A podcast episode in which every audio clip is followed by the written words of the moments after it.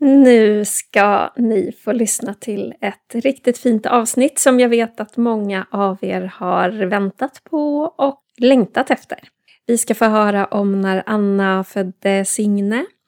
Men eh, först så vill jag påminna om att eh, du gärna får fortsätta att eh, hjälpa oss och podden framåt genom att följa, gilla, dela, sprida till andra som kan tänkas vara intresserade.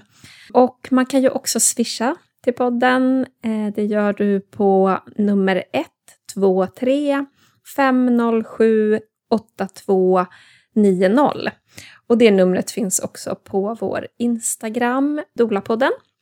Tusen, tusen tack för det. Ni är riktigt, riktigt grymma och det är ju för er som vi gör det här. Det här avsnittet eh, har vi ju också med oss vår eh, lilla poddassistent Signe. Så ljudet är inte toppen. Det eh, blir, är lite störningsmoment när man har en bebis i studion hur gullig bebisen än är. Men eh, efter ett tag så somnar poddassistenten. Så eh, det blir lite bättre ljud längre fram. Men då kommer istället asfalteringsjobbet utanför poddstudion igång. Så ljudet är inte vad vi kanske hade önskat, men ändå. Mycket nöje och hoppas att ni kommer att gilla avsnittet. Nu kör vi!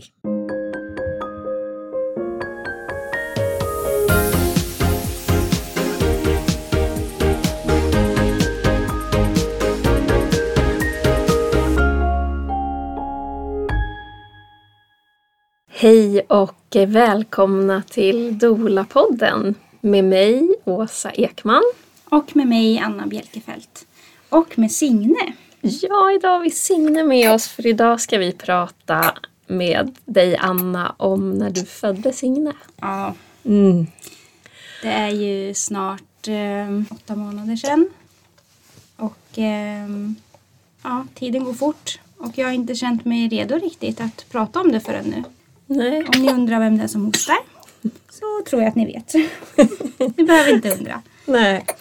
Nej, vi får väl se hur det går. Vi har sagt det. Vi får se hur det går det här med Signe. Ja. Mm, för hon har ju också börjat snacka så himla mycket. Ja, hon låter ganska mycket. Hon hörs. Och eh, hon kryper runt mycket. Och, eh, eller ålar runt mycket. Ja, vi får mm. se helt enkelt. Mm. Vi får klippa och klistra lite. Ja, och eh, man får kanske tåla lite bakgrundsljud den här, eh, i det här avsnittet helt enkelt. Precis. Mm. Och Signe är lite förkyld och jag är lite förkyld så min röst är också lite hes och harklig. Mm. Men Anna, ska vi börja med att ja, jag vill höra hur du mår. Hur mår du idag? Ja, men förutom att jag är lite småkrasslig så mår jag bra. Mm. Mm, vad skönt. Hur mår du själv? Jo men det är bra. Eh, det är måndag idag. Vi har ju haft en helg precis. Eh, så jag känner mig ja, men laddad för veckan. Jag har också gått på jour. Så ja, det känns härligt. Fint att mötas så här också. Verkligen. Mm. Ja, men vi har ju redan pratat om min graviditet och förberedelserna mm. inför födseln. Så det finns ju ett avsnitt. Så det tänker vi ju att eh, vi inte ska prata om idag. Nej, och det avsnittet är avsnitt 87 som heter Dolan inför sin födsel. Så Just vill man gå tillbaka och lyssna på det eller kanske lyssna på det inför det här så kan man ju göra det. Men vi har ändå lite frågor som jag vill ställa. Mm, och vi har några lyssnafrågor. Jag kan väl värma upp lite med några eh, lite personliga frågor. Mm. Lite bara random frågor. Mm. Vill du dela någonting som du avskyr? Någonting som jag avskyr. Det är när folk kör to tomgång med bilen. det blir jag galen på alltså. Jag kan stå i köksfönstret och kolla ner och bara nej, nu har de fortfarande igång bilen. Mm. Det stör mig så himla mycket. Mm. För eh, det är så dåligt för miljön. Mm. Det stör mig jättemycket. Det avskyr jag verkligen. Mm. Mm. Jag kan ju rabbla massa grejer men ja. det är en. Vi, vi börjar på en positiv mm. så här. Um, har du några tv-program som du skäms för att du gillar? Jag brukar prata skämslåtar. Jag har inte hängt på det här med skäms. Ja, men det är typ Gift vid första ögonkastet. Eh, så här, USA, Australien. alla andra länder än Sverige. Svenska skäms jag inte så mycket för att jag gillar för det känns som att alla kollar på. Eh, men de andra är ju ganska liksom eh, mycket drama så att det, det skäms jag lite för att jag gillar. men jag står för det. Uppenbarligen, jag berättar i podden. Ja, bra gjort. Mm. Ja, men jag håller med. Vi har pratat om, eh, om det programmet, det svenska programmet, du och Mm. jag. För det, ja, man får så intressanta uppslag till att prata om i sin Exakt. Mm. egen relation. Saker man kan möta. Och, ja, vad, hur tänker du om det här? Alltså, Ja. När vi tittar, för vi tittar ofta tillsammans, som, som jag vet att ni Mm. också gör. Eh, så pausar vi ofta. Vi med. det är jättebra ju. Ja, jag tycker också det. Mm. Eh, finns det något eh, lyssnarna inte vet om dig? Massor tänker jag. Men något som du kan dela så här? Mm. Jag har opererat en höft. Det kanske in- inte lyssnarna vet. Mhm. Varför då? En eh, förslitningsskada när jag gick på Danshögskolan som gjorde att jag var tvungen att operera. Och eh, då skar de av höftböjarmuskeln för att den skulle sen kunna växa ihop med förlängning. För den, det kallas för internal snapping hip som jag hade. Den knäppte och lät hela tiden och sen hade jag jätteont. Och svårt att träna så mycket som jag gjorde då. Okej. Eh, så det gjorde jag 2000. Vad var det? 2011 kanske? Nej, 2012. Ja, någonstans där. Okej. Mm, det kanske inte lyssnarna visste. Nej. Har du blivit helt eh, bra och återställd efter det? Jag har inte ont eh, liksom. Men eh, jag skulle ju, jag kan inte säga så här, "Ja, men det är helt bra för att jag tränar ju inte 20 timmar i veckan som jag gjorde då. Så det skulle jag nog inte klara av igen. Men eh, jag klarar av att träna en timme i veckan. Om du får till det. Exakt. Min höft tillåter det i alla fall, även om andra saker kanske inte tillåter det. Eh, så att ja, jag skulle nog säga att jag ändå är bra. Ja. Ja men vad bra. Men det är lite intressant just att jag nämner det med höften nu också för att det var någonting som jag eh, kopplade till eh, graviditeten och födseln. För höftböjar, höftböjarna är en väldigt lång muskel. Eh, eller lång, två långa muskler och eh, de är högst involverade också tänker jag i liksom eh, att magen växer, att eh, balans i bäckenet, ehm, spänningar och man brukar också säga att höftböjarmuskeln är eh, kopplad till känslor. Eh, och då tänker jag, man har skurit av den någon gång. Va, vad har det gjort? Eh, och jag känner ju att jag är stelare. Så att ja, jag hade väl den med i tanken lite när jag höll på att stretcha och förbereda mig inför födseln. Ja, det vet man ju om man håller på mycket med hip openings och så i yogan. Hur, hur känslosamt det kan vara. Ja. Och hur tårarna kan komma när man håller på med just med de rörelserna. Men eh, var det någonting som du kände av under födseln? Nej, det skulle jag inte säga. Men jag, eh, Signe låg ju verkligen inte optimalt i magen och jag tror att det hade en bidragande, att det var en bidragande orsak faktiskt. Men det är ju min gissning bara. Mm. Ja men okej. Ska vi börja prata lite om födseln? Det gör vi. Vi ska inte prata om tiden innan men ändå den här närmsta tiden. Eh, bara dagarna innan. Hur kände du dig då? Sista, sista tiden innan födseln. Alltså jag minns typ inte riktigt men jag vet att jag var väldigt trött och att jag prioriterade att vila väldigt mycket. Jag var ju sjukskriven en stor del av min graviditet av olika anledningar men eh, väldigt trött var jag och eh, jag började gå mer och mer inåt, det märkte jag ju. Att jag var ganska mm, Alltså jag var väl det hela graviditeten ganska ointresserad av saker runt omkring mig. Mm, men ännu mer i slutet att jag vet att jag själv började känna så här, gud vad jag är osocial och nästan att jag kände att jag var otrevlig för att jag var så ointresserad av andra människor. Eh, men det var, jag accepterade det ändå. Jag landade i att så här, nej men jag vet ju att det ska vara så här. Det finns en anledning och det är bara bra egentligen. Eh, så jag var ganska trött och inåtvänd och ehm, ja, men blev mer och mer redo. Jag gick, inte, jag gick inte runt och var liksom stressad, rädd, orolig eh, som jag minns det. Det var mer att så här, det var ju mycket tankar men jag kände ändå mycket att jag var i min kropp. Mm. Mm. Mm, Signe. Signe håller med. Mm. Så um, vilken, vilken var din första aning om att nej, men nu är det ändå på gång? Signe var ju beräknad den 8 februari på min födelsedag och eh, föddes sen den 6. Några dagar innan kände jag att eh, nu är det verkligen inte långt kvar.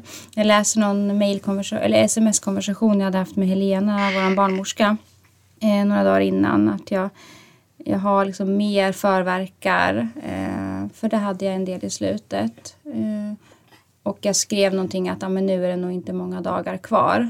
Jag var, var jag inte lite sjuk någon vecka? innan? jag minns inte riktigt. Men jag har för mig att vi skrev någonting om det. Liksom. Eh, att jag kände mig lite småkrasslig. Men att så här, nu känns det inte som att det är långt bort. Så jag hoppas att jag liksom hinner känna mig helt kry. Men sen var det eh, söndag morgon. Hon föddes ju en måndag morgon. Söndag morgon då skulle min sambo åka och jobba i Solna på en mässa. Stå på en mässa. Och eh, han åkte iväg på morgonen och jag storgrät när han åkte. Och jag brukar ha separationsångest men inte när han ska åka till Solna över dagen. Så det var liksom, hmm. Ja, men jag, jag bara, jag är höggravid, det är liksom kanske bara det. Men jag hade liksom lite, lite mol. Men det var så här, det kan lika gärna vara lite förverkar, alltså man, man vet ju inte.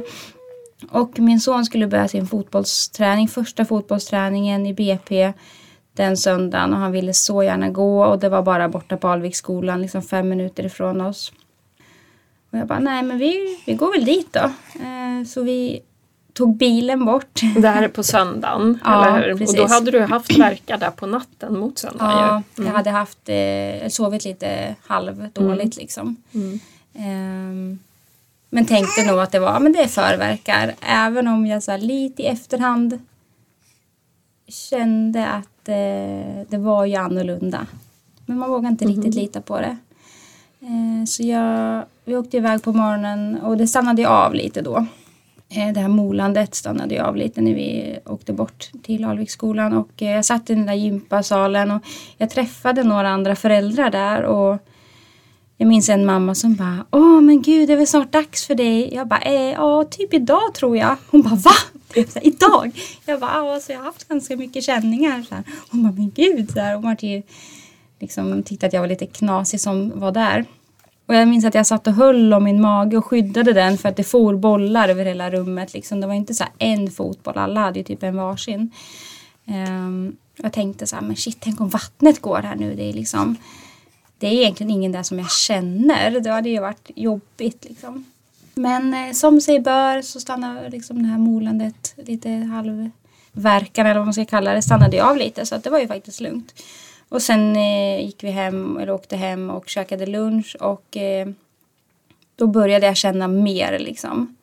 Eh, att nej men det här är ju, nu är det lite som att det kommer och går. Så att det här är ju något annat liksom. Eh, och min son målade min mage, det var så himla fint. Han och jag fick ett, några timmar. Eh, jag ska dela någon av de bilderna sen. Det var så himla eh, gulligt att eh, vi tog fram vattenfärg. Vi hade pratat om det hela graviditeten, det hade inte blivit av. Och så hade han sett bilder från min mother blessing när ni hade målat min mage och han bara så fint kommer jag inte kunna göra. jag bara jo, jo, jo, du gör ju din grej. Han tog fram sina vattenfärger och vi satt i köket och han målade en så himla fin bild. Eh, med så här blommor och gräs med rötter och sol och himmel och så här. Det var så gulligt. Sen när vi hade ätit så efter maten brukar vi ta en liten vilopaus. Eh, så han låg, vi brukar ligga och läsa en stund eller lyssna på någon saga men då var jag så himla trött och hade lite verkar så han eh, fick lyssna på någon, sån här, på någon som läser saga. Ehm, och eh, jag ringde till Markus och bara nej men nu du får komma hem. Så han åkte från Solna vid lunch.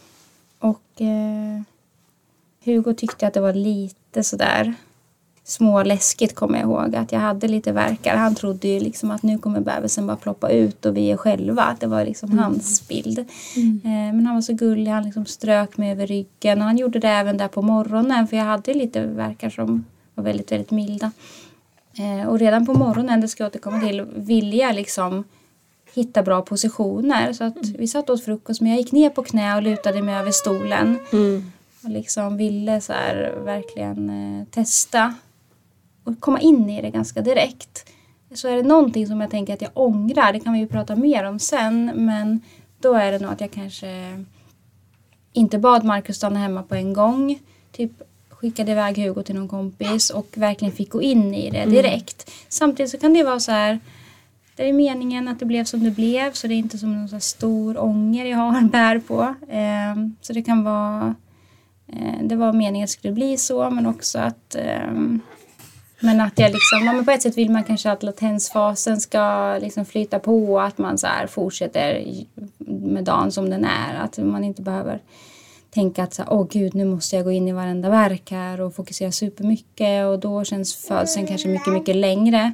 Men samtidigt så kanske det hade blivit kortare för att man hade tillåtit sig att vara i det. Samtidigt kanske det hade varit ännu enklare, och, eller enklare att man hantera verkarna om man började från början liksom. Eh, och möta dem. Men han kom hem efter lunch och eh, Hugo gick ut med Marcus syster och spelade lite boll och var inne hos henne en stund och käkade. För de bor bara precis bredvid oss. Jag minns inte riktigt vad Marcus och jag gjorde de timmarna men vi ringde ju såklart till dig Åsa och till Helena. Ja, vi skrev ju lite till varandra där under dagen. Mm. Eh, och du berättade hur du kände dig. Mm. Just det här att vi Ja, men att man inte ska vara ensam längre när man Nej. känner att nej nu vill jag inte vara ensam längre. Mm. Och du kom verkligen till en punkt att Ja. nej men nu, nu jag, jag tittade också igenom vår konversation Mm. lite i morse. ehm, just under den dagen. Ehm, och då fick du, du fick någon liten blödning där på dagen och då var du Just så här, nej men nu, nu Ja. ringer jag Marcus. Mm. Nu, nu vill jag inte vara själv längre. Just det, det hade jag glömt. Det hade jag faktiskt. Mm. Nej, men jag minns att jag, jag minns inte liksom vilken ordning allting hände där men jag tog någon dusch och jag minns att det var jätte, jätteskönt och jag vet att jag så velade lite så här, men är det mm, liksom, är det dags att ta fram poolen? Det liksom, är det falskt alarm? Jag vet att jag tvivlade. Marcus körde i alla fall Hugo till en kompis. Han skulle sova hos en kompis och inte hos eh, hans syster. Marcus syster. Eh, men jag minns inte. Kom Hugo upp till mig och sa hej då? Jag tror att han gjorde det. Eh, men så körde han honom till en kompis och han skulle sova. Och, eh, sen vet jag att vi i alla fall bestämde Åsa att eh, du får komma för jag vill att du är här. Men om det stannar av så får du sova här. Eller om, det, om vi inte behöver dig på ett tag så, så kan du sova på soffan. Liksom. Eller i Hugos rum. Eh, så um, jag minns inte om, hade, hade Marcus fixat med poolen när du kom? Alltså, Nej, men vi gjorde den? det lite senare. Ja, Ja. den var uppställd men Ja. var, vi hade inte fyllt den Nej, än. just det. Nej, men vi skrev ju lite där på kvällen och till slut så, för jag var så här, men vi gör det som känns bra. Mm. Eh, och du, jag minns att du skrev att så här, nej men jag vill nog ändå att du ska vara här Ja. liksom, innan läggdags. Ja, precis. Jag ville inte att du skulle gå och lägga dig hemma och sen typ bli väckt och så blev det kanske stressigt att komma. Liksom. Mm. Jag hade nog en bild av att det skulle gå ganska mycket snabbare än vad det gjorde. Ehm, ja, men det kommer jag ihåg. Mm. Men Marcus hade liksom en lista på grejer som han skulle fixa. Det var liksom, om vi, men vi har två fårskinnsfällar i sovrummet på golvet. De var så här, de där måste du flytta på för de kommer bli blodiga. Så här, och du måste bädda sängen med samma madrassskydd. Måste fylla upp poolen. Eh, han hade också handlat hem lite grejer på vägen hem från mässan som jag ville ha och äta och dricka. Så han liksom ställde fram det och ställde fram ljus och satte upp affirmationskorten och liksom han hade verkligen lite pyssel att göra och jag minns att jag var i vardagsrummet och han tände brasa och eh, jag försökte liksom andas och vara lite i mig själv då medan han fixade. Ehm, och inte så här, "Ah, jag måste ha honom direkt utan liksom landa i att "Nej, men nu är det och då kände jag nog ändå att nej men det kommer bli nu. Då kände jag mig tryggare och säkrare på det. Mm. När jag satt där själv framför brasan och bara andades och kände liksom att magen blev hård och slappnade av, blev hård och slappnade av. Mm. Ja, för jag kom tror jag vid nio ungefär. Mm. Strax före nio. Ehm, och då var, det ju, då var det ju verkligen igång. Och, Mm. eh, du tog verkarna i soffan och Markus hjälpte dig med tryck över höfterna. Hej älskling! Vill du ha lite uppmärksamhet? tråkigt nu här? Du vart glad när vi tittar på dig. Ja, han tryckte på höfterna och strök över ryggen och vi låg och gosade lite. Ska du komma Signe? Oh, bebispaus. Mm. Ehm, vad var klockan när du kom? Var det tio? Ja, men, nej, men jag tror nog eh, närmare nio. Okej. Ja, ungefär vid nio. Mm. Ehm, så ni hängde och tog verkarna i den ena soffan och jag hängde i den andra soffan och väldigt... Det här är alltså Signe som snorar om ni undrar vad det är som låter. Plopp! Ja, men det var lugnt och stillsamt, det kommer jag ihåg.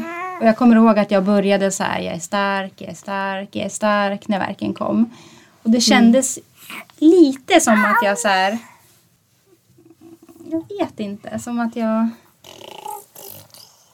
var för tidig med att Alltså det låter så himla sjukt. Det är inte som att man tänker som någon annan men så här, ja men det här är inte så allvarligt. Det är alltså att jag liksom började mantra innan det var så jobbigt typ. Och det, det spelar ingen roll, det kan man ju göra när som helst liksom. Jag minns att jag verkligen. tänkte så här, fejkar jag typ? det minns jag att jag tänkte någon gång liksom. Men eh, nej, det var ju regelbundna verkar. Det var bara att de, de var inte så jättestarka om jag jämför med hur det blev sen. Och de var inte så... eh, Det kom väl kanske två verkar på tio minuter. Ganska länge. Mm. Ja. Eh, ja, vad hände sen då? Eh, men duschade jag när du var där? Nej, du hade Nej, duschat hade när jag kom Mm. för du var i Just det. morgonrocken och Mm. Var på soffan framför brasan. Just det. Eh, och ni fortsatte att jobba där med verkarna och Mm. jag hängde mest i den andra soffan bara och var i närheten och var på plats. Mm. Men det intensifierades ju ändå Ja. där under bara de närmsta timmarna. Mm. Så minns du när ni ringde Helena? Eh, jag minns någonting om att så här, vi, vi, sa, vi pratade och så sa vi så här, ah, men vi hörs om en timme igen. Men då när vi ringde efter en timme igen, eh, då var hon redan på väg och hon hade aldrig liksom fattat. Hon var väl också så här, ville inte missa det. Eh, men det var kanske vid elva hon kom eller? Mm, ja, jag tror det. Halv tolv kanske. Mm.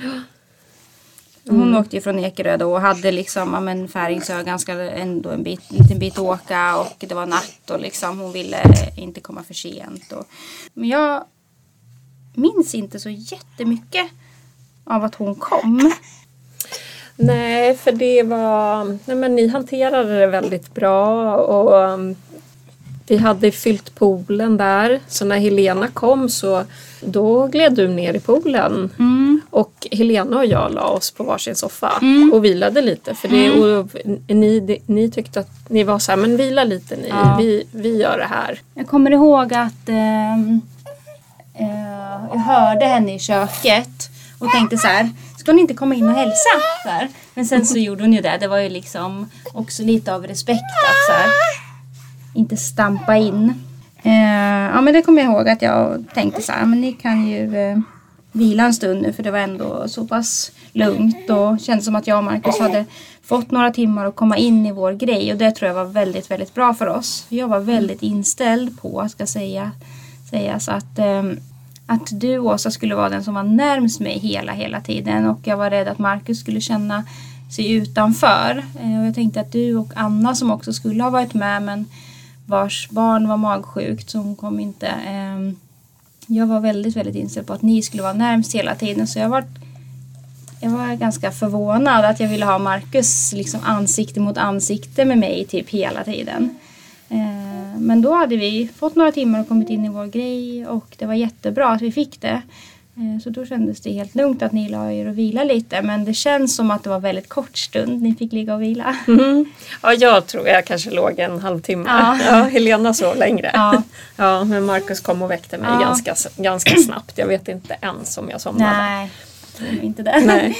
Det kändes som väldigt kort stund. Jag minns att, jag, att jag sa något så här, nej men nu får nog Åsa komma. Att jag, Jag minns att jag hade lite dåligt samvete att det var så kort efter att ni hade lagt er som jag bad. Mm, men så där är man ju. Ja, det där är en sån himla bra... Eh, att verkligen lyssna till sina Ja. behov och bestämma sig för det innan. Mm, Att man behöver det. mm. Mm. Men vad var det som vi liksom, då ville vi bara att det skulle vara där eller jag minns inte. Jag minns inte liksom, saker i rätt ordning. man ska säga. Det är liksom ganska blurrigt. Men jag minns att jag hade väldigt mycket ont i ryggen. Och att verkarna blev väldigt mycket mer intensiva. Jag minns att jag någon gång tänkte så här. Frågan är om man ska testa tensen. Men sen mindes jag att när jag testade den med Hugo. När jag födde Hugo så var det så fruktansvärt. Och därför var jag så här, nej jag skiter i det. Liksom. Men det kan jag väl också ångra att jag inte ens testade. Mm. Det är så här lite tidigt skede ändå. Mm. Jag kanske In- skulle ha testat det typ på eftermiddagen där liksom när vi var hemma. Ja. Eh, men liksom, då tänkte jag inte alls på det. Sen kändes det som att nej, men nu är det, spelar det ingen roll. Nu Mm. är det för sent om man säger. Men det kanske inte hade varit. men jag minns att jag hade extremt mycket smärta i ryggen. Och att eh, jag var så jävla kissnödig hela tiden. Alltså jag gick och kissade typ flera gånger i timmen. Liksom. Och det tror jag har att göra med hur hon låg också. Man brukar ju säga så ah, men bebisen kan ligga och trycka mot eh, kissblåsan och tryck, trycker mot tarmen och sådär. Men alltså det var, jag var så himla himla kissnödig. Men, och jag kissade varje gång jag gick på toa men det var ju verkligen inte mycket. Men det var så jobbigt också för jag jag vet kära lyssnare, just det här ljudet är ganska jobbigt att lyssna på när man lyssnar på podd. Men. Men att jag liksom satt och kissade och sen kom det en värk så jag liksom kasta mig ner på knä, stänga toalocket lite snabbt och så har man, i alla fall på den ena toan, så här, ett lock som går igen långsamt. Så jag sa fan liksom, jag tryckte till locket för jag bara, jag måste luta mig över toalocket, toastolen. Jag kastade mig ner och sen i början var jag så här, men jag kan vara själv när det kommer en värk. Men ju intensivare det blev när jag gick på toan desto mer behövde jag ha, behövde jag ha Marcus där. Eh, och vartefter ville jag typ också ha dig där. Eller det var som att så här, man blev mer och mer primitiv. Ska vi pausa lite Signe? Det var lite poddpaus. Mm. Hallå igen, vi fick ta en liten paus, en Signepaus, men nu har hon somnat en liten stund. Ja. Och då har de ju börjat asfaltera här utanför. Så det går bra för oss idag. Helt otroligt. Ja, så många störningsmoment med ljudet. Vi Mm. vet ju sedan tidigare hur störigt det är med ljud när man på att renovera fasaden här och vi fick poddpausa i flera månader. Mm. Eh, Men nu är det lite tystare och det enda som kanske hörs är när Signe snuttar lite på sin napp. Men det, det tror jag ni kan leva med. Mm. Ja men var var vi någonstans? Eh, jag tror Helena hade kommit, vi hade vilat lite. Eh, men det började ändå bli ganska jobbigt. Ja, jag tror att eh, från att Helena kom ungefär så var det ungefär lite mer tre veckor på tio minuter. Men sen är det inte alla som har det. Så att, ehm, jag pratar utifrån hur det var för mig men eh, jag vet att eh, Helena hade skrivit något sånt. Eh, att hon hade skrivit det i journalen så här, två till tre verkar på tio minuter eller någonting. Kontraktioner. Eh, ja men det var mer intensivt och eh, det var liksom en mörk natt i februari verkligen men eh, jag minns att jag hann tänka någon gång så här, åh vad skönt att det är natt.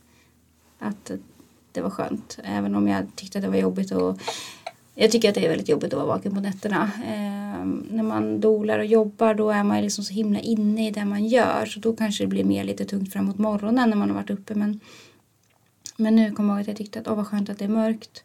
Och vi hade dragit ner alla persienner och tänt ljus och det var väldigt mysigt i rummet. Men jag var väldigt... Jag tror att jag blundade typ hela natten. Mm.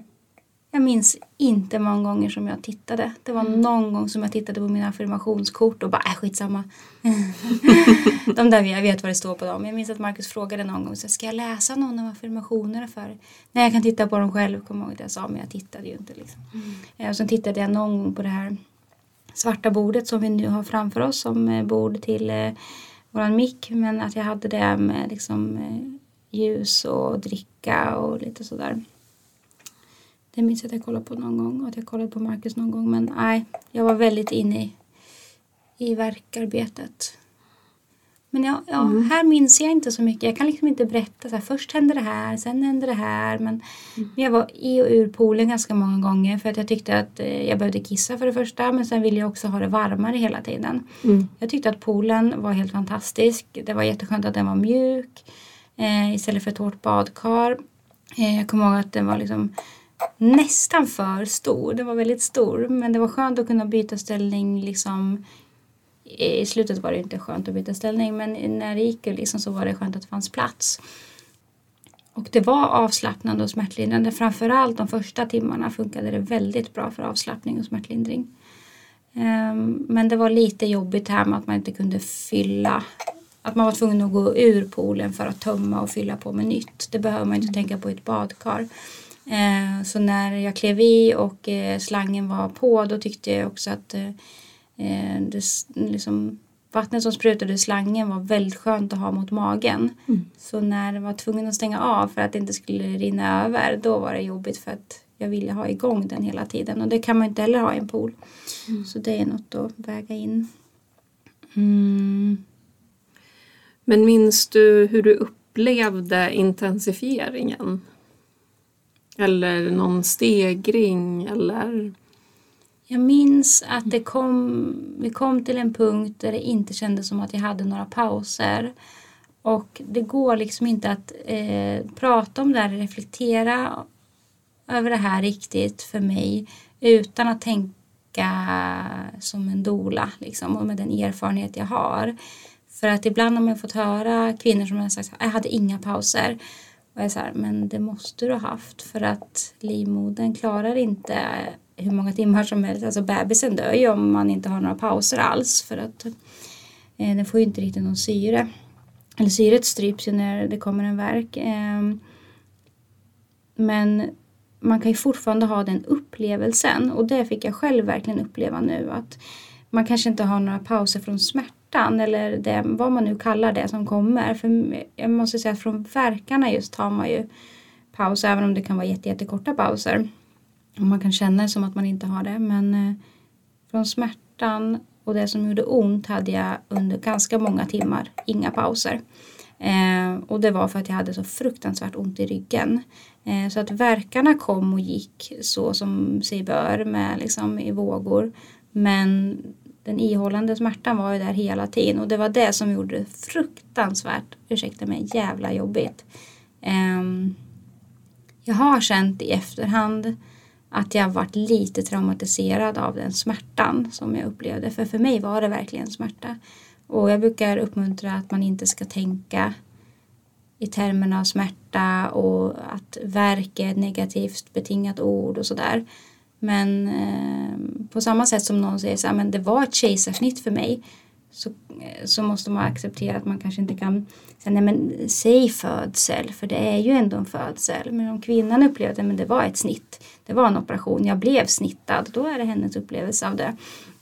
Um, man kanske inte kände att man födde om man, om man födde genom magen. Uh, och på samma sätt så kände jag nu, nej men för mig var det de första två dagarna efter födseln så var jag lätt traumatiserad och i chock över hur smärtsamt det hade varit och det var ryggsmärtan.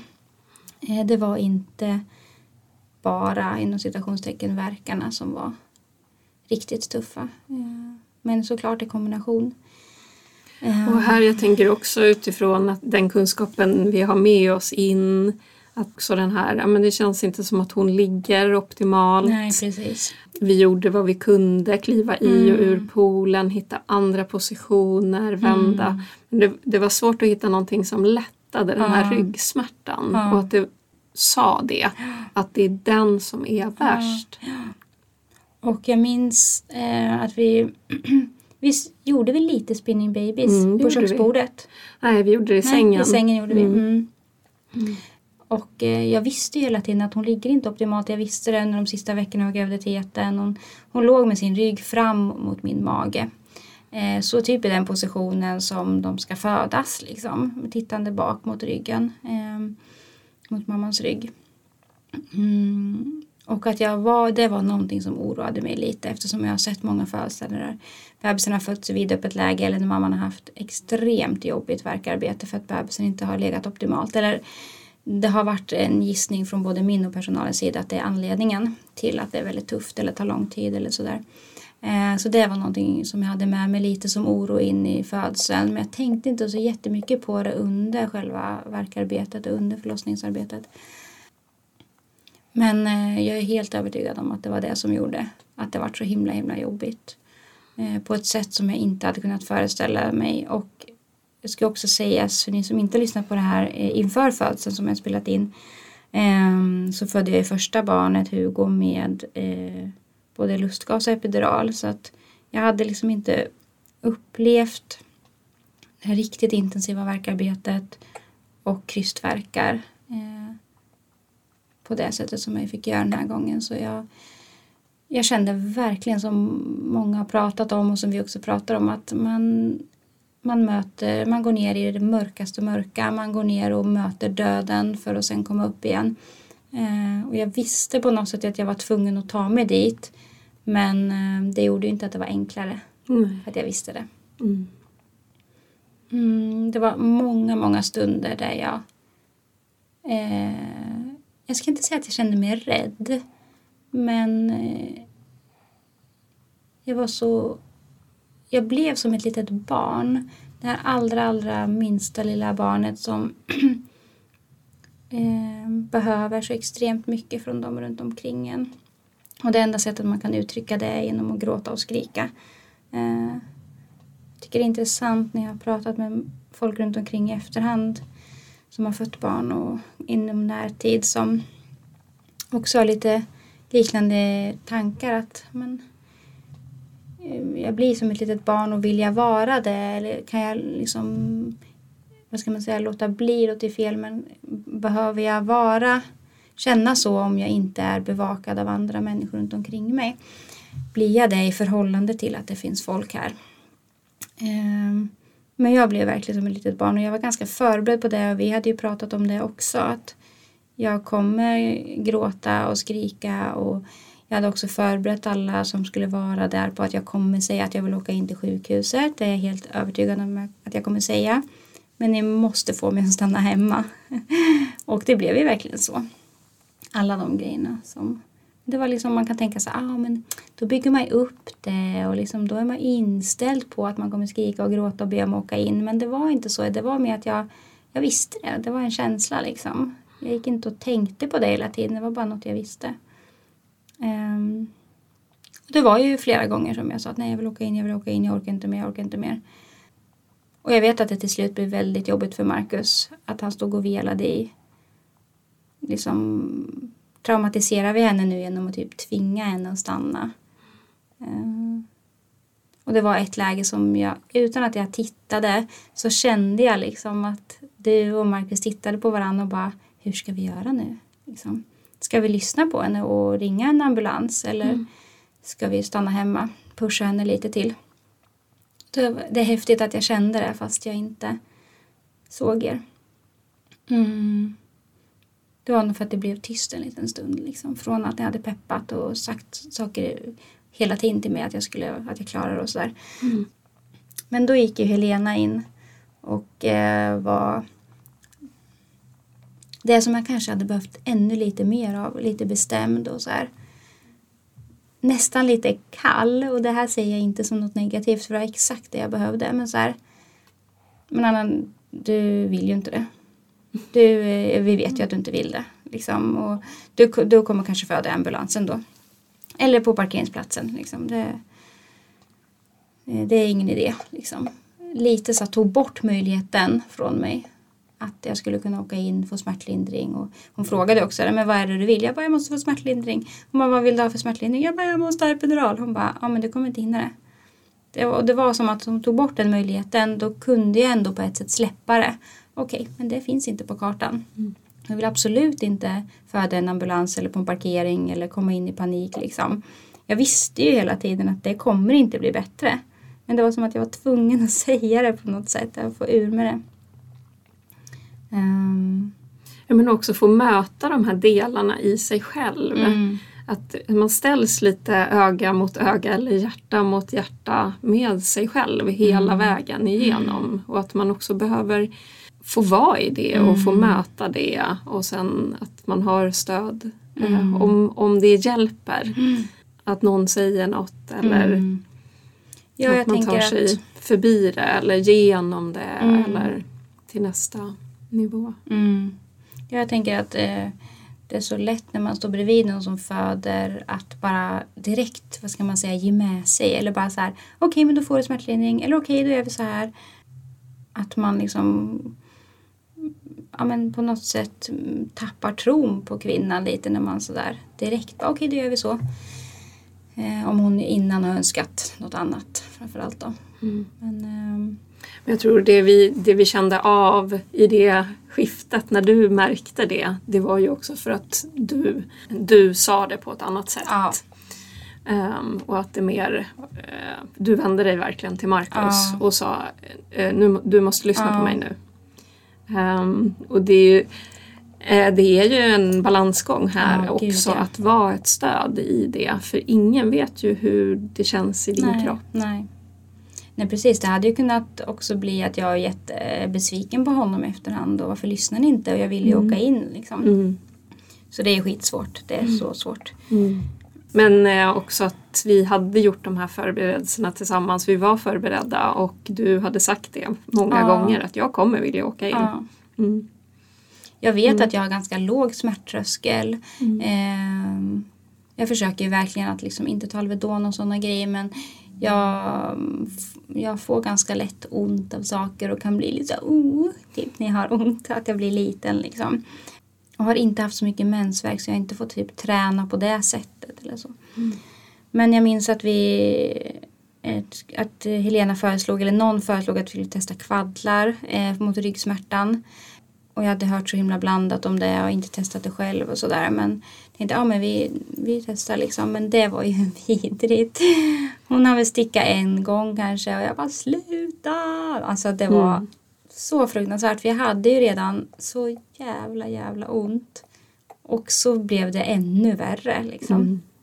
Så det gick ju inte. Eh, och vi, jag minns inte tid, jag minns inte ordning på allting. Men jag har varit uppe och ur poolen, i urpoolen några gånger. Jag varit på en madrass på golvet lite. Eh, men sen kom det någon gång i alla fall en paus. Jag tror att det var efter att vi hade gjort Spinning Babies. Mm. Ehm, när du ville åka in Mm. ehm, så pratade vi om ehm, men vi, vi kör bensläppet. Mm. Du ville ha en undersökning. Just det, jag fick väl en undersökning innan. Jag minns inte vilken tid det var. Jag minns inte... Men just också för att kunna ta ställning. Var är Mm. vi någonstans? Exakt. Tror jag. Mm. Men jag minns inte hur öppen jag var. Eller jag minns att hon sa att bebisen stod ganska högt fortfarande. och då var det så här, men vi gör lite övningar. Låter det gå en stund och ser om, om det har hänt någonting. Eh, för då kan vi fatta beslut lite mer framåt. Eh, men jag minns inte. För jag hade från början tänkt att jag inte ville ha några undersökningar. Men då gjorde Helene, kanske var typ fem centimeter öppen eller Nej, någonting. åtta. Första gången. Nej, nej då. Nej, mm. När du, när du var sådär att nu, ja precis. Exakt. Och då, då Ja. var du mer såhär, okej vi stannar, vi stannar. Första gången tror jag Mm. var 5-6 centimeter. Och eh, hon stod, bebisen stod fortfarande en bit upp. Ehm, och så gjorde vi de här övningarna. Och så insåg jag att eh, vi får vänta lite och se om det händer någonting. Och då fick jag en paus och det var så välbehövligt. Mm. Och då låg vi och skedade lite, jag och Marcus i sängen.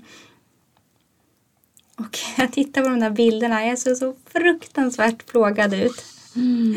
Jag, ser, jag kan känna sån... Jag vet inte vad jag ska använda för ord. Mm, sån liksom ömhet på något sätt för den smärtan jag var i och den utmaningen. Samtidigt som jag står där och finns där med så mycket kunskap att så här, det är inte farligt, det är inte farligt. Och det måste man komma ihåg när man står bredvid någon som föder. Eller man är i närheten av någon som föder. Men för mig var det ändå som att jag försökte ändå fly. Eh, jag vågade inte vara i det helt och hållet. Jag försökte fly. Eh, det kom perioder där jag kände mig rädd även om det inte var att jag kände mig inte otrygg men svårt att säga exakt vad det var för känsla men eh, jag kände mig väldigt, väldigt liten och väldigt överrumplad och eh, eh, lite kanske någon form av besvikelse att jag inte kunde slappna av så mycket som jag skulle velat kanske. Och att jag kände mig lite vilsen, att jag inte riktigt hade någonting, något verktyg som jag höll i hela tiden. Eller liksom, ja. Och att jag kände, jag hade vid några tillfällen dödsångest verkligen. Det måste jag ändå säga så här i podden. Det är så lätt att man, jag pratade med Helena om det både innan och efter födseln, att och framförallt innan man har en bild av att föda hemma är så stillsamt och vackert och harmoniskt och det är liksom rosenblad i vattnet och ljus, tända ljus och mamman bara andas barn, ut barnet och jag visste redan innan jag sagt det till alla, jag kommer inte föda på det sättet. Jag kommer skrika och gråta och liksom eh, men ändå har många och inklusive jag den bilden av vad det är att föda hemma. Eh, Mm. Och det är klart att det verkar ju underbart att ha det så och det är en del som har det så men på samma sätt som man har en bild av vad det är att föda på sjukhus. En del har det som att det är jättetryggt och en del har det som att det är fruktansvärt. Liksom. Man har den bilden av att föda på sjukhus. Så eh, Helena bara, nej men det är blod, svett och tårar liksom. Eh, vi måste realisera hemfödslar också. Att det är inte nödvändigtvis lugnt och fint och harmoniskt och enkelt på något sätt. Utan hon sa det, det här kanske inte hon blir jätteglad att delar men hon, får, vi får klippa bort det annars. Ehm, jag har fått fem barn och jag tyckte att det har varit extremt jobbigt alla fem gånger. Liksom. Mm. Ehm, och det var ändå, det var lite jobbigt att höra det under graviditeten. Samtidigt så var det också bra att så här, jag behöver inte föda på ett visst sätt för att jag föder hemma. Eller Mm. jag kan inte skapa exakt den upplevelsen jag vill ha kanske. Mm. Och det får också vara okej. Mm. Ehm, Men då när det var, när du upplevde de här, de här känslorna och eh, att det var så här jobbigt. mm. Hur upplevde du stödet omkring dig? Eh, nej men jag kände ju att ni fanns där hela, hela tiden. Ja, det var ju som en mur runt mig liksom. Att det, jag tvivlade aldrig på att liksom, ni inte har min rygg eller vad man ska säga. Så att jag upplevde att det var, och det var det som ändå liksom gjorde att jag i efterhand kände att, känner att jag är extremt stärkt av upplevelsen hade jag haft alla de här jobbiga känslorna och inte känt att jag haft stöd då hade jag fortsatt vara traumatiserad och tyckte att det var fruktansvärt att föda barn. Mm. Men eftersom jag hade det här stödet från alla er tre så kände jag mig jättestark eh, att ha klarat det här. Mm. Klarat att föda. Ehm, men jag hade perioder där jag tänkte att jag kommer att dö och jag sa det många, många gånger också alla gånger som jag sa jag kommer att dö kände jag kanske inte att jag kommer att dö men det var liksom någonting som jag behövde skrika ut. Mm. Eh, och den jag var innan på något sätt skulle dö. Det låter så här maffigt på något sätt men ehm, men några gånger vet jag att jag tänkte så här nej men eh, Hugo, det här barnet kommer inte ha någon mamma. Och den tanken var jag bara i några sekunder men jag vet att jag då var det liksom shit. Samtidigt vet jag, visste jag nog också någonstans att nu är jag på botten. Nu är jag så långt ner jag kan komma. Det blir inte värre. Jag sitter och dricker lite ur Signes nappflaska. för att jag blir så himla ki- kittlig i halsen av att prata. Men jag kände att jag hade jättebra stöd. Verkligen. Ja, Marcus lämnade verkligen inte din sida Nej, på gud. hela natten. Jag var så klistrad vid honom. Mm. Jag hade inte förväntat mig det. Men jag ville ha honom liksom ansikte mot ansikte hela tiden. Mm. De perioderna när han stod och tryckte på höfterna när jag hade verkar, så fort verken var över så var han liksom tvungen att komma runt i mitt ansikte. Och sen när det varit mer liksom, längre in i födseln då ville jag bara ha honom vid mitt ansikte hela tiden. Eh, jag minns inte så mycket liksom, vad han gjorde men jag minns att han sa att han älskar mig och att jag var stark. Eh, jag klarar det här liksom. Det är det som jag minns. Men i alla fall så gjorde vi övningar Jag fick en paus. Vi låg och vilade. Det kändes för mig som 10 minuter men det kanske var 20 minuter. Mm. Något sånt. Jag hade ju ont men det var inte alls på samma sätt. Så där hjälpte ju verkligen bensläppet mig. Och jag klev ner i poolen. Men jag minns inte riktigt. Jag minns att jag stod på madrassen på golvet någon gång och sa att nu trycker det på mer. Eller hur? Mm. Det, men mm, det var liksom inte så här. Jag fick inte den där "Ugh", den känslan. Eh, Men jag minns att det började trycka på mer. Och Helena sa typ, ja men känn efter om du känner bebisen. Och då gjorde jag inte det och då blev jag liksom ganska besviken. Men i alla fall undersökte hon ju igen efter de här övningarna, eller spinning babies och det. Och då var det ju liksom, men, både att jag var öppen åtta och att hon hade kommit ner framför allt. Gjorde att jag bara, nej men då stannar vi. Mm. Och jag klev i poolen. Det här är lite så här, jag vet inte exakt ordning som sagt men jag stod på knä, lutade mig mig över kanten. Och ehm, helt plötsligt kände jag hennes huvud när jag kände efter. Men då blev det också sjukt mycket intensivare. Och jag vet inte, jag minns inte om Helena sa något så här, men testa tryck på lite eller följ med eller vad hon sa någonting. Och då gjorde jag ju det och då kände jag ju så här, okej, Att det händer något. det hände verkligen någonting. Mm. Mm, Det var liksom inte att jag höll andan och forcerade jättemycket men jag testade under en verk att liksom andas mer neråt och sådär.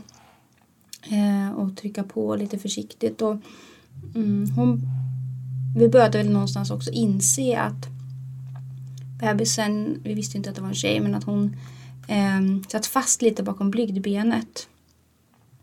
Eh, och Helena sa, men testa. Helena och jag pratade lite Mm. och eh, att det kändes, för då låg du lite mer på sidan, Mm. rygg eh, Mm. på si- sidan.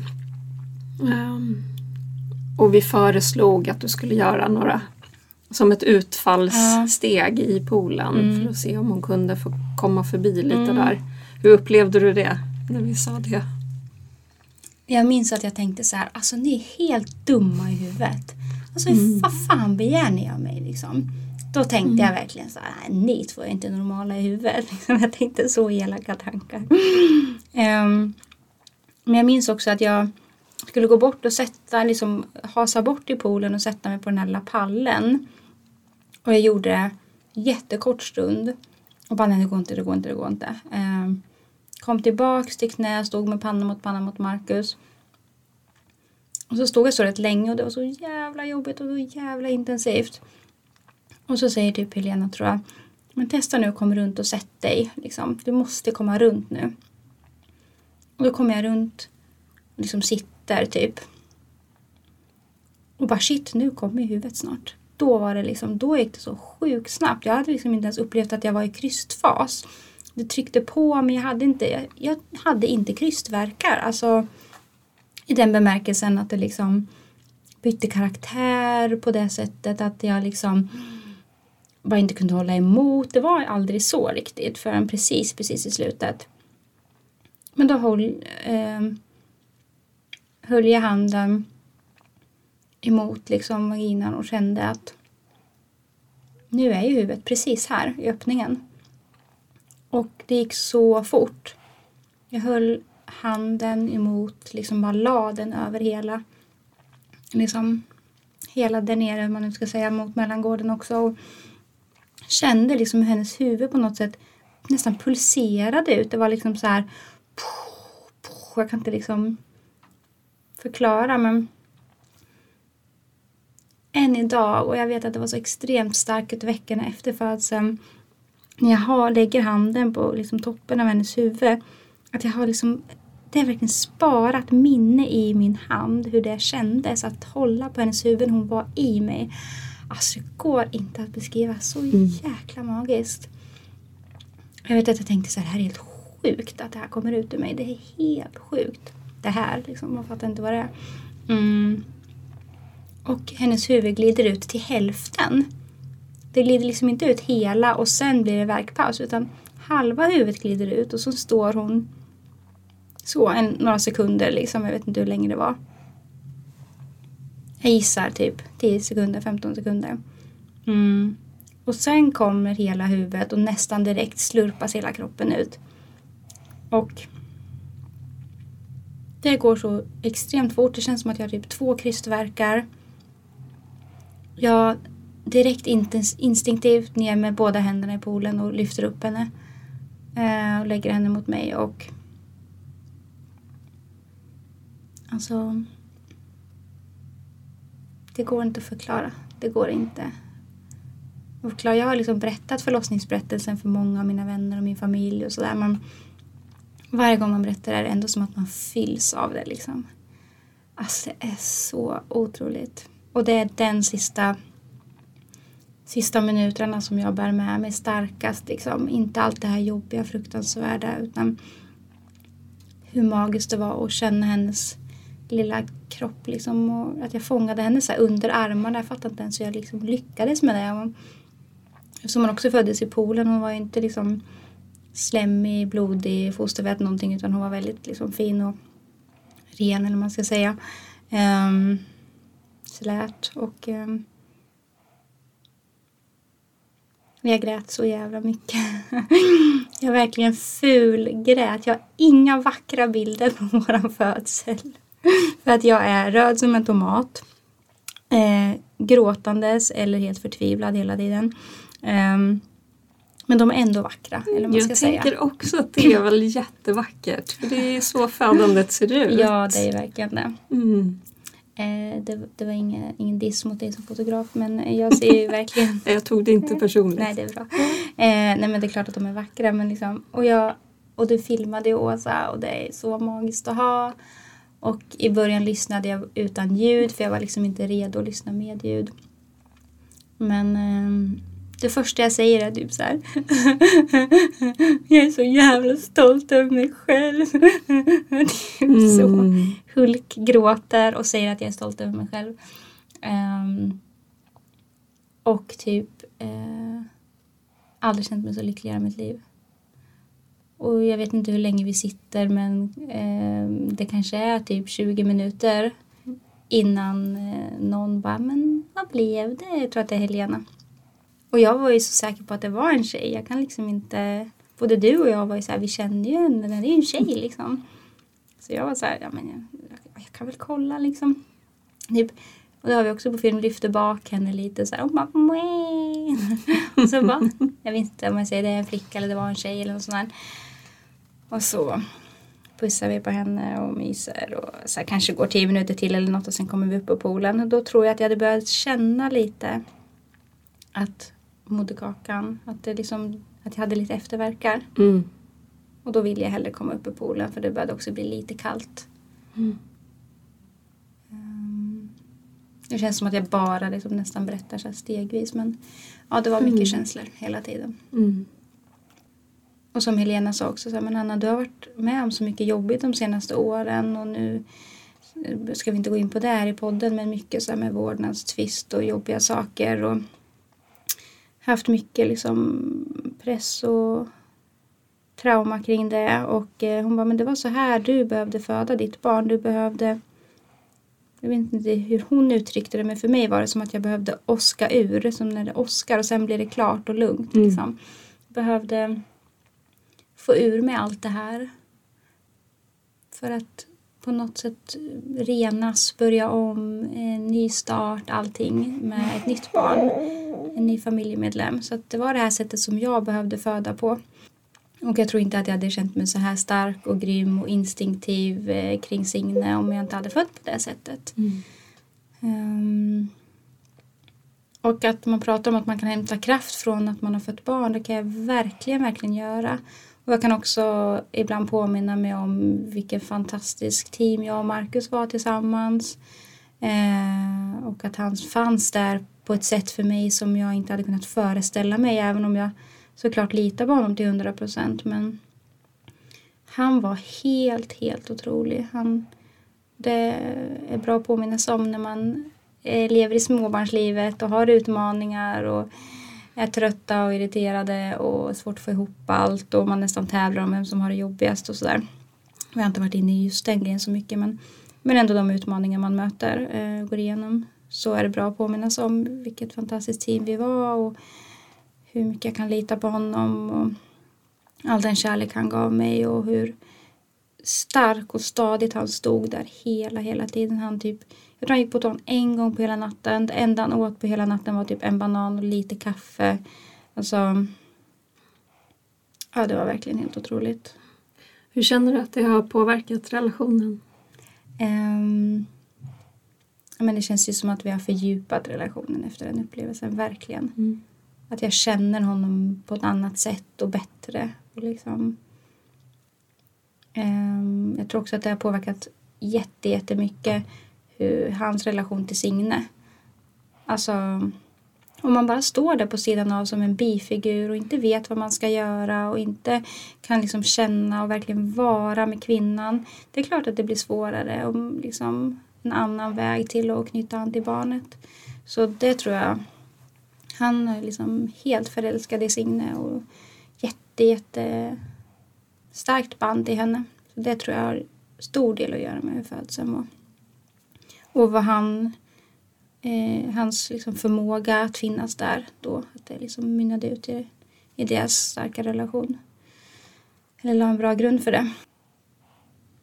Men jag kom upp i sängen och eh, moderkakan, alltså Helena typ höll i navelsträngen och jag så tryckte på lite så bara kom den så det var jätteenkelt, jätteskönt. Och sen gick väl ni iväg en stund, du och mm. Helena, och lämnade oss i fred lite. Ja, vi tog en macka i köket ja, och... och lite frukost. Mm. Mm. För hon föddes ju vid sju på morgonen. Mm. Eh, fem över sju. Och men jag minns inte riktigt. Jag minns bara att vi låg där i sängen och bara men gud vad har hänt liksom. Mm. Moderkakan låg i en skål bredvid och hon låg och snuttade typ nästan direkt. Började amma mm. jättesnabbt. Mm. Eh, jättevaken liksom. Skrek typ ingenting, bara liksom Maj, lite så här. Och sen mm. började hon amma. Mm. Eh, jag hade någon bild av att hon skulle få klättra upp och amma men eh, det var inte så naturligt att vi också låg på sidan när hon började amma. Um, men ni kom in och vi så vägde och mätte. Helena skulle kolla bristning och jag, minns, jag hade liksom inte ens en tanke på att det, hade, att det skulle vara någonting. Men ingen bristning, typ ingen blödning. Alltså jag var så glad. Och jag minns mm. att Markus också så här, men gud vad skönt att du inte behöver sy nu när du har gjort det här. Liksom. Mm. Uh, och jag kände mig lite så svullen och sådär men jag hade inte ont eller någonting. Det var liksom det var så lite svidigt när hon kollade efter bristning men det var liksom att det var så skönt. Mm. Uh, bara skönt att slippa det när man har fött barn utan bara få mysa. Mm. Ja, och sen möts ni under dagen. Ja, ja. alltså vi var så höga båda mm. två på hormoner att vi hade så svårt att sova. Jag tror att vi mm. sov mellan typ eh, 12 och 3 eller 11 och 3 eller något sånt där. Eller 2. Mm. Och sen åkte Markus och hämtade Hugo så att han fick vara hos oss bara ett par timmar innan han skulle till sin pappa. För han skulle till sin pappa den måndagen. Det var också väldigt vältajmat för då fick vi en vecka bara vi tre och landa lite. Och sen kom Hugo igen. Men den måndagen var fint att han fick träffa Signe hennes första dag. Liksom. Bara när hon bara var några timmar, en halv dag gammal fick han träffa henne. Det var väldigt mysigt. Och han var inte heller superintresserad. Han var jätteengagerad i graviditeten. Han var väldigt nyfiken på födseln. Han hade ju lite tanke på att vara med och sådär. Det var i efterhand väldigt tur att han inte var... Nu som liksom vaknar lite. Hej älskling. Men Anna, ska vi ta en liten paus här? Mm. Och sen prata lite mer om första tiden efteråt och hur du upplevt den. Absolut. Ja, vi kommer alltså komma tillbaka med ett avsnitt till, en del två i när Anna föder Signe. Eh, där Anna får berätta mer om tiden efteråt. Men när jag ändå har er på tråden vill jag också berätta lite om vad vi har på gång mm, just nu i Dola-gruppen. Vi kommer att erbjuda här under hösten en profylaxkurs i grupp i Dola-studion i Bromma. Så är man intresserad av den kan man gärna mejla till oss. Där hittar ni våra kontaktuppgifter, Instagram på Dolagruppen eller på vår hemsida på dolagruppen.se. Anna och jag har också startat upp eh, vår online-community, Gravidresan, där vi stöttar och gör mycket förberedande tillsammans med medlemmarna. Det är en medlemstjänst eh, där man är med så länge man vill och eh, tar eh, stöd och hjälp under graviditeten, inför födandet och också den första tiden tillsammans med bebis. Så kika in på gravidresan.nu om det skulle kunna vara något för dig. Men tills vi hörs igen får du ha det riktigt fint.